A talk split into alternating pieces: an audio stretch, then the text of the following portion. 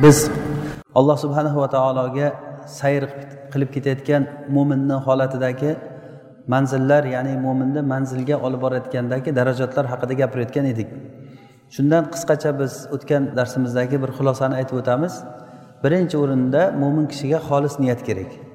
Niyati sof bo'lmagan odam haqqa ergashaman degan niyati bo'lmagan odam hech qachon haqqa ergashmaydi. Alloh subhanahu va taolo mana nuh alayhissalomni qavmi haqida aytdi. Ular iymon keltirmaydi endi degan. Iymon keltirishlik uchun u da'vatni kamchiligi emas edi. Ular yoki bilmaslik emas edi mana yahudlarni misol qildik ular aniq bilgan edi. Lekin iymon keltirmadi. Nima uchun? Ular qalblarida shuni istagi xohishi bo'lmagan yoki boshqa xohishlaridan ustun bo'lib ketgan. Boshqa xohishlari bundan ustun bo'lgan. Ikkinchisi eng muhimi alloh subhanava taoloni tanishlik. Bu biz uchun juda katta bir mavzu. Inshaalloh buni umr darsligi deb qo'ysak ham bo'ladi. Alloh subhanahu va taolo qur'onda aytadiki men inson va jinni faqat menga ibodat qilishligi uchungina yaratdim. Shu oyatni tafsirida ibn abbos roziyallohu anhu aytadilarki illa liyabudun degani ay liyarifun. Meni tanishlik uchun yaratdim degan. Ya'ni maqsad ollohni tanish. Kim ibodat qiladi ollohga ollohni tanigan odam ibodat qiladi. Odamlar ollohni tanimaganligi tomonidan pand yedi kim adashgan bo'lsa ollohni tanimaganligi uchun adashgan. Ollohni tanigandan keyin ollohga qarab odam yo'l istaydi. Bu uchinchi darajaga olib chiqadi. Alloh taologa boradigan yo'l bu faqat va faqat rasulullohni yo'llari. Shuning uchun ham biz doim haris bo'lishligimiz kerakki rasulullohga ergashishlikka. Masalan bir kun rasululloh sollallohu alayhi vasallam sut ichdilar.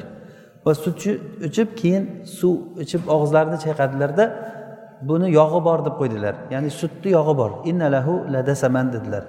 Uni yog'i bor. Mana shuni eshitganimizdan keyin hech bo'lmasa bir marta shuni qilishimiz kerak. Sut ichib shu gapni bir aytib qo'yishlik kerak. Rasululloh sollallohu alayhi vasallam hijoma qildirdilar va hijoma qiluvchiga pul berdilar. Hijoma qildirib hijoma qiluvchiga pul berib rasululloh sollallohu alayhi vasallam berganlarni berib qo'yish kerak. Ya'ni har bir ishlarda rasulullohga ergashishlikka harakat qilishlik kerak. Mana bu ham biz uchun juda katta bir mavzu katta bir darslik. Rasululloh sollallohu alayhi vasallamni biz o'zimizga qudva ya'ni namuna qilib olishligimiz. To'rtinchisi inson qalbida oxiratni eslatmalardan bir eslatma doim bo'lishligi. Qabrdagi holat mahshardagi holatlar bizni boradigan joyimiz. Hammamiz o'sha bosqichlardan o'tamiz. Mana buni doim bir birimizga eslatib yurishligimiz kerak. O'lim haq o'lim boshimizga keladi. Albatta biz u narsani ko'ramiz. Alloh taolo aytadiki jahim. Ollohga qasamki sizlar jahannamni ko'rasizlar dedi. Ya'ni ollohga qasam ichib la tarovunna degan lom bu arab tilida tavtiatun lil qasam deydi. Ya'ni qasam ichishlik uchun tayyorlangan tayyorlab beruvchi yo'l ochib beruvchi narsa. Ya'ni ollohga qasamki sizlar jahannamni ko'rasizlar degan. Olloh qasam ichib aytyapti. Demak albatta ko'ramiz buni. Oldimizda ikkita yo'l turadi. Yo jannat yo do'zax. Bittasiga tushishimiz kerak. Shuning uchun mana shu narsani doim o'zimizga eslatuvchi bo'lsa bu narsa bizni o'z o'zidan beshinchi bosqichga darajaga olib chiqadi. U nima? Dunyoni tark qilishlik. Dunyoni kim tark qiladi? Oxiratni umid qilgan odam dunyoni tark qiladi. Oxiratni umid qilmagan odam dunyoni tark qilolmaydi ba'zi jihatdan tark qilishligi mumkin. Lekin u tark qilgan tomonidan o'zi pand yeydi odam. Masalan ba'zi bir tasavvuf ahliga mansubman deb davo qilgan odamlarni ko'rasiz umuman dunyoni tark qilgan. Hech narsani ishi yo'q uylanmaydi bola chaqa ham qilmaydi darvish bo'lib yurishi mumkin. Lekin bir tomondan tarqaganligi bilan boshqa tomondan o'lib qolgandek dunyoga mukkasidan ketgan bo'ladi. Masalan mansabga juda berilgan bo'ladi. Pir bo'lib qolishlikni niyatida yuradi. Bir ikki yil bir g'orda yotib shunday chiqib bir yumalab bir pirga aylanib qolsam degan niyati bo'ladi. Pir bo'lib qolsa bo'ldi unga pul nima kerak? Hamma ko'tar ko'tar qiladi boshlariga mindirib yuradi ovqat hamma narsa eshigida qo'y so'yilgan ho'kiz so'yilgan tuya nazr qilingan hamma narsa bor. U haligi dunyo podsholaridan ham ko'ra yaxshi yashaydi kerak bo'lsa. Unga hech narsa kerak emas. Ana shu manzilatga yetishlik uchun dunyoni tark qilishligi mumkin. O'sha uchun ham u dunyoni tark qilishligini ko'rsangiz rasulullohni yo'lidan yurmaydi u odam. Rasululloh sallallohu alayhi vasallam qachon ko'rgansiz boshlariga ro'mol o'rab yuzlarini to'sib yurganligini? Ma'siyatdagi odamlar meni ko'rmasin deb.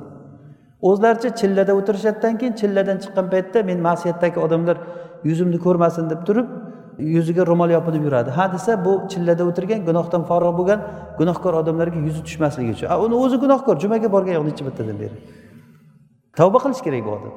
Jamoat namozlariga chiqqan bo'lmasa juma o'qigan bo'lmasa gunohkor bu rasulullohni yo'lidan yurmaganligi uchun. Bu uchinchi marhala rasulullohga ergashishlik allohga bo'lgan yo'l istash. Rasulullohga ergashgan odam albatta oxiratni eslaydi. Oxiratni eslagan odam dunyoni tark qiladi dunyoni tark qilganda ham oxirat uchun tark qiladi. Dunyoni tarqilishlik degani o'zi insonni ko'p dunyoni ko'p odam tarqiladi masalan davolanishlik uchun odam pul beradi davolanadi.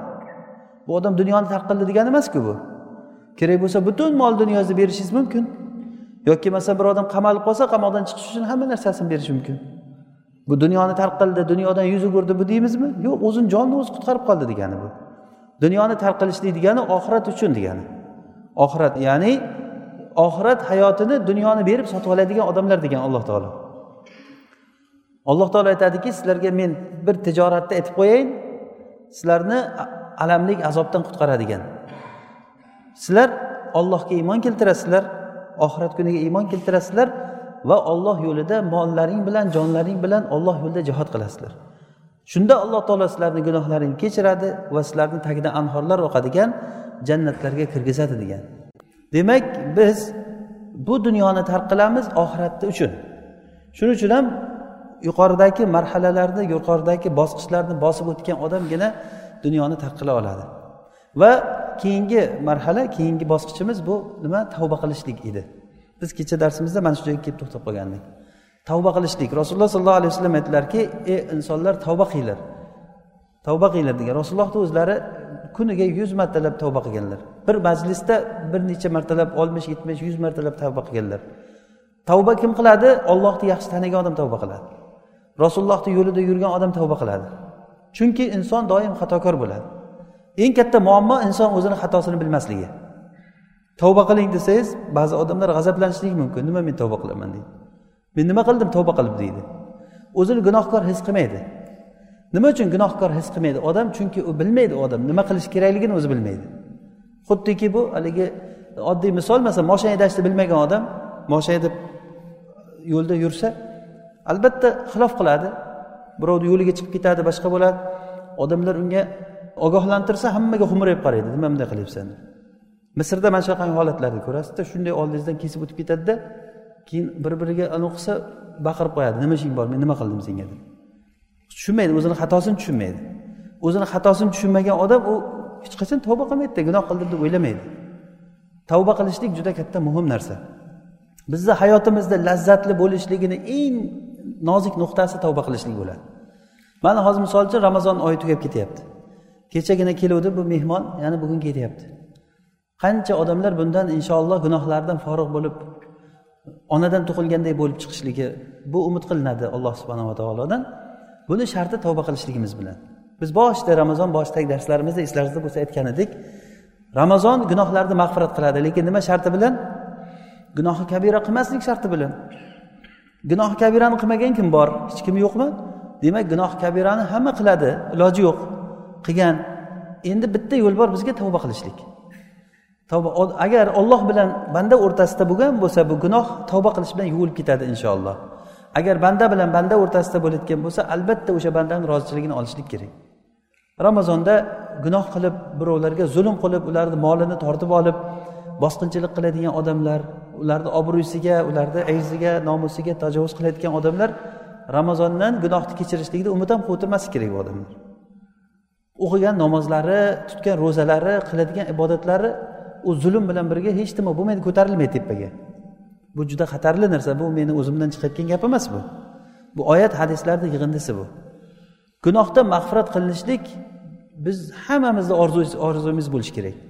Kab ibn molik roziyallohu anhuni tavbasi qabul bo'lganligini eslang u kishi tabuk g'azotiga bormaganligi uchun rasululloh sollallohu alayhi vasallam u kishini va uni ikkita sherigini uch kishini rasululloh sollallohu alayhi vasallam hajr qildilar. Butun musulmonlar hajr qildi hech kim gaplashmadi ular bilan. O'shanda ellik kun bu davom etdi. Alloh taolo qur'onda oyat nozil qildi. Hatta alayhimul ardu bima rahubat. Yer ularga tor bo'lib ketdi. Faraz qiling hech kim gaplashmasa bozorga chiqadi hech kim gapirmaydi. Masjidga kirib rasulullohga salom bersa haligi oldi omadi bilmaydi. Rasululloh gapirmaydi ularga. Musulmonlar hech kim gapirmaydi hatto ayollarini ularga xizmat qilishlikdan rasululloh man qildilar. Ellik kun yer tor bo'lib ketgan ularga. Mana shu paytda tavba ularga oyati tushgan paytda bir kishi bashorat berib kab ibn molikni oldiga borib bashoratini aytgan paytda xursandchiligidan kiyimini yechib berganlar. Vallohi o'shandan boshqa narsam bo'lganda men bergan bo'lardim degan. Yugurib rasulullohni oldiga keldim. Rasululloh sollallohu alayhi vasallam masjidda rasulullohni yuzlari yorishib o'tirgan ekan. Rasululloh sollallohu alayhi vasallam o'zi odatlari xursand bo'lsalar yuzlari yorishib ketardi. Shunda aytdilarki ey kab onang seni tuqqandan beri senga bunchalik xursand bo'lmagan xursandchilikdan bashorat beraman senga deganlar. Ya'ni onasidan tug'ilgandan beri bunchalik xursand bo'lmagan islomi bilan bunchalik xursand bo'lmagan u kishi. Lekin mana shu tavbasi qabul bo'lishligi bilan qiyomat kunigacha o'qilinadigan oyatlarda nozil bo'ldiki mana orqada qolib qolgan jihodga chiqmasdan qolib ketgan uchta odamni alloh taolo tavbasini alloh taolo kechirdi degan. Tavbani kechirishlik nihoyatda katta biz uchun katta bir baxt bu. Alloh subhanava taolodan umid qilamiz. Mana shu kechalarda alloh taolo gunohlarimizni mag'firat qilgan bo'lsin. Xuddiki onadan tug'ilganday bir gunohlardan forig' bo'lib chiqqanligimizni alloh nasib qilgan bo'lsin. Buni sharti biz tavba qilishimiz kerak. Tavba faqat og'iz bilan bo'lmaydi qalb bilan pushaymon bo'lish kerak. Rasululloh sollallohu alayhi vasallam aytdilarki at tavbatu hiya nadam tavba degani u pushaymon bo'lish degani. Inson yuragi bilan pushaymon bo'lishi kerak shu ishni qilganligiga. Qilgan ishlariga xursand bo'lib yurayotgan odamlar tavba qildim tavba qildim degan bilan tavba bo'lmaydi u. Odamlarni molini yegan kimnidir urgan so'kkan zulm qilgan yana o'zicha odamlarga iftor qilib bersa odamlarga ehson qilib bersa nimadir qilgan yaxshiligi bilan o'zini o'zi aldasa buni qilgan amallari u nima bo'ladi u bu yoqda buncha zulmni oldida? Qilgan ishlarini hammasi mana shu bilan plyus minus bo'lib ketsa agar u odam xursand bo'laversin agar. Ya'ni bu juda muhim narsa tavba qilishlik. Shuning uchun mana shu kechalarda doim tilimizda tavba bo'lishlik kerak. Alloh subhanahu va taolo bizni kechirsin. Allohimma innaka afuvun tuhibbul afva fa'fu anna. Mana bu duo aynan o'qilinadigan. Va yettinchisi oxirgi manzilat qalbni biz doim muroqaba qilib kuzatib borishligimiz kerak bo'ladi. Mana bu oxirgi martabamiz. Ya'ni qalbni doim mana shu darajalardan o'tib kelgandan keyin inson birinchi niyati xolis bo'lishligi ollohni tanishligi ollohga bo'lgan yo'l ya'ni rasulullohga ergashishlikni qasd qilishligimiz kerak va oxiratni doim eslab yurishligi dunyodan zohid bo'lishligi va tavba qilishligi va mana shuncha darajalardan chiqqan odam oxiri qalbi bilan shug'ullanib yurishi kerak. Qalb xuddiki boshqa bir insonni a'zolariga o'xshaydi. Tirnog'ingizni olmasangiz o'sib ketadi. Sochingizga qaramasangiz o'sib ketadi masalan inson o'ziga qaramasa o'zi to'zib ketadi hamma joyi. Qalb undan ko'ra to'zuvchiroq narsa bo'ladi. Qalb shunday o'tirgan joyda bizni shayximiz ko'p aytardilar qalb xuddiki machalkaga o'xshagan narsa bo'ladi deb.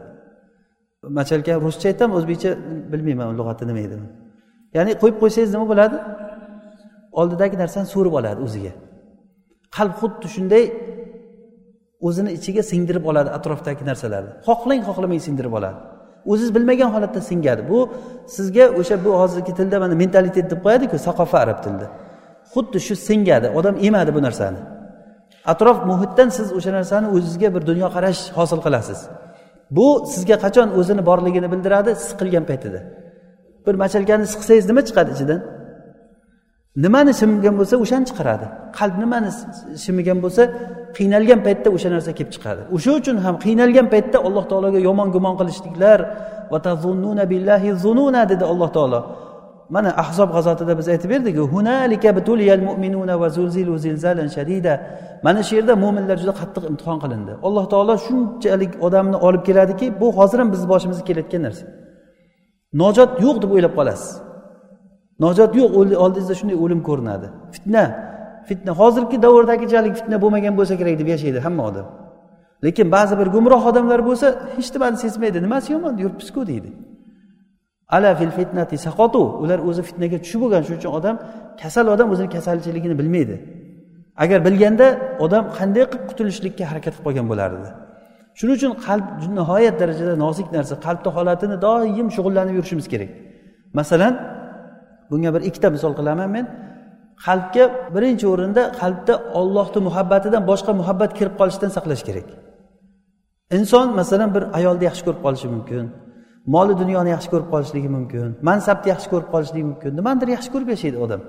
Chunki qalbda yaxshi ko'rishlik g'arizasi bor. Agar qo'yib qo'yilsa nimanidir yaxshi ko'rib qoladi. Hatto ba'zilar kuchuklarni yaxshi ko'radi masalan. O'shani farzandidan ko'ra yaxshiroq ko'rib uyida nima qilib juda havas bilan uni yuvintirib boshqa qilib kuchukni bolasidan ko'ra yaxshiroq tarbiyalayotgan xalq bormi? U juda o'zini madaniyatliman degan odamlar o'sha kuchukni o'zlariga bola qilib olgan masalan yaxshi ko'radi. Xuddiki bani isroil buzoqni yaxshi ko'rib qolgandek yaxshi ko'rayotgan narsami shu ham? Alloh taolo aytdi ularni qalblariga buzoqni muhabbati singdirildi degan. Ya'ni nima uchun? Ular o'sha fosiq qavm bo'lganligi uchun. Agar odam fosiq bo'lsa ollohdan boshqani muhabbati uni qalbiga o'sha bilan giriftor bo'ladi. Adda va davo kitobda ibnul qayim rahimaulloh ishq haqida gapirganlar. Ishq bu kasallik bu dard bu. Bir odam ayolni yaxshi ko'rib qolishlik. O'sha kasallikni aytib turib o'shanda aytganlarki ibnul qayimdan bir kishi kelib so'raganki bir odam bir ayolni yaxshi ko'rib qolgan. Nima bo'ladi bu deganda ollohni muhabbatini tashlaganligi uchun qalbni ollohdan boshqaga ibodat qilishlik bilan alloh taolo uni iqobladi degan. Qalb ollohdan boshqani yaxshi ko'rib qolishligi shu darajagacha boradiki o'shanga ibodat qilishlik darajasigacha boradi. Ya'ni muhabbat uni o'tir desa o'tiradigan tur desa turg'izadigan darajagacha olib boradi. Ba'zi bir odamlarni pul o'tqizib turg'izadi. Ba'zi bir odamlarni mansab o'tqizib turg'izadi. Ba'zi bir odamlarni bir manmansirashlik bo'ladi. O'zini kuchi bilan quvvati bilan faxrlanib yuradi. Hammani ichida gerdayib o'shanga ibodat qiladi o'zini jasadiga ibodat qiladi. Hozirgi davrda ko'p odamlar o'zini gavdasiga jasadiga ibodat qiladi. Pulga ibodat qiladi mansabga ibodat qiladi. Buni hammasi muhabbatdan kelib chiqadi. Qalbida o'shani yaxshi ko'rishlik bor. O'shaning uchun bu nimadan kelib chiqqan? Qalbga qaramay qo'yganligidan kim qalbiga yaxshi qaraydi? Mana bu hozir biz aytgan bosqichlarni bosib o'tish kerak bu uchun. O'sha odam doim o'zini qalbi bilan qarab yuradi. Men juda tezlik bilan aytib ketyapman. Aslida bu nimalar haqida har bittasi uchun darslar qilishimiz kerak. Va ikkinchisi qalbga kibr kirib qolishligidan saqlash kerak. Kibr kirib qolishligidan ya'ni inson o'zidan o'zi faxrlanishlik o'zini boy bo'lganligini ko'rgandan keyin tug'yonga ketadi. Alloh taolo aytadiki kalla innal insana la inson tug'yonga ketadi qachon? O'zini o'zi boy deb o'ylab qo'ygan paytda. Inson o'zini boy deb o'ylab qolsa tug'yonga ketadi o'zini kimligi esdan chiqib ketib qoladi. Bu inson tabiatidagi narsa. O'sha uchun ham umar roziyallohu anhu bir kuni minbarda turgan holatda shunday gapirib turgan joylarida gaplarini to'xtatib turib men bir kun bir bir paytlar qavmimni tuyalarini boqib yurar edim arzimagan chaqa tangalar uchun dedida yig'lab yubordilar. Yig'lab keyin minbardan tushdilar. Keyin so'radi odamlar nimaga bunday gapni o'rtasida bunday deb gapni bo'lib gapirdingiz deganda aytgan ekanlarki men shu turgan paytimda hayolimga shayton olib keldiki ey umar qara sendan dunyo qo'rqadi. Butun hammadan kuchli bo'lding degan narsani olib keluvdi. Men nafsimga o'zimni kimligimni bildirib qo'ydim. Bir paytlar men tuya boqib yuradigan odam edim degan. Alloh taolo bu islom bilan bizni aziz qildi degan. Mana shunday inson o'zini qalbi bilan shug'ullanib turmasa shayton shunaqangi odamni o'sha tarafidan keladiki masalan kuchi bor odamlarga kuchi tarafidan fitna keladi. Boylik yaxshi ko'rgan odamlarga boyligi tarafdan fitna keladi. Va hokazo mansabni yaxshi ko'rgan odamlarga mansab tarafidan. Insonni zaif tarafini biladi o'sha qon chiqqan joyga uradi shayton. Mana shu joydan pand yeydi odam. O'shaning uchun odam o'zini ahvolini o'zi tushunishi kerak. Rasululloh sollallohu alayhi vasallam abu zarga nima dedilar? Ya abazar innaka rajulun zaif deganlar. Sen zaif odamsan. Hech qachon ikkita odamni o'rtasida amir bo'lmagin deganlar. Abu zarga nima uchun dedilar? Chunki abu zarni xulqidan rasululloh bilganlarki agar amir bo'lsang halok bo'lasan degan. Ana shu gaplari bilan abu zar tamoman dunyoni tark qilgan hatto odamlardan ajralib turib o'zi alohida yashaganlar. Ayni paytda rasululloh abu bakr roziyallohu anhuni qancha mansab nimalarni ishonib ishlar topshirganlar muazni masalan yamanga jo'natganlar. Alini o'zini o'rinlariga masalan tabukka ketishliklarida o'zini o'rinlariga qo'yib ketganlar. Va hokazo mana shu mansablarni topshirganlar lekin odamiga topshirgan. Ba'zi bir odamlar bor mansab uni yeydi. Mana shu uchun biz o'zimizni qalbimizga doim quloq solib yurishimiz kerak va suhbatimizni oxirida bir muhim narsa deb bilaman shu bugungi kunga tegishli masalan hozir e'tikofda o'tirgan odamlar. Qalbingizda masalan namoz o'qib rohat topyapsizmi? Qur'on o'qib rohat topyapsizmi? Mana shu uchun odam o'zini qalbini istab yurish kerakki masalan kimdir namoz o'qib ollohga yaqinlashadi. Kimdir qur'on o'qib yaqinlashadi. Kimdir zikr qilib bir gaplashib o'tirib suhbatlashib ollohni eslashlik bilan qalbingiz bir yumshab alloh taologa yaqinlashasiz. Va hokazo ya'ni mana shu holatni istangda topib o'sha bilan ko'proq shug'ullaning. Ana shu bilan shug'ul ana bu eng yaxshi narsa shu. Foydali narsa shu. Ya'ni qur'on o'qish kerak ekan deb faqat qur'on o'qiyversa xayol boshqa yoqda qur'on o'qiveradi u bilan odam foyda ko'p foyda ololmay qoladi. Yoki namoz o'qish kerak ekan deb faqat namoz o'qiversa xayol boshqa yoqda ko'p foyda ololmaydi. Qalbingizda nimada topsangiz o'sha bilan ko'proq shug'ullaning. Ba'zan qur'on namoz o'qigingiz keladi ba'zan qur'on o'qigingiz keladi ba'zan mana bunaqangi ilm majlislarini odam bir qalbi qumsab qoladi. O'ziga yarasha hammasini o'zini o'rni bor o'rniga qo'ya olgan odam o'shanda foydalana oladi alloh subhanava taolo o'zi foydali ilm bersin alloh subhanava taolo qalblarimizni isloh qilsin alloh taolo gunohlarimizni mag'firat qilsin mana bunday muborak ramazon kunlari o'tib ketyapti alloh taolo bu kunlarni yana bizga qayta qayta keltirsin alloh taolo gunohlardan forig' bo'lib chiqqan bo'lishligimizni o'zi nasib qilgan bo'lsin سبحانك اللهم وبحمدك نشهد أن لا إله إلا أنت نستغفرك ونتوب إليك صل اللهم وبارك على عبدك ونبيك محمد عليه الصلاة والسلام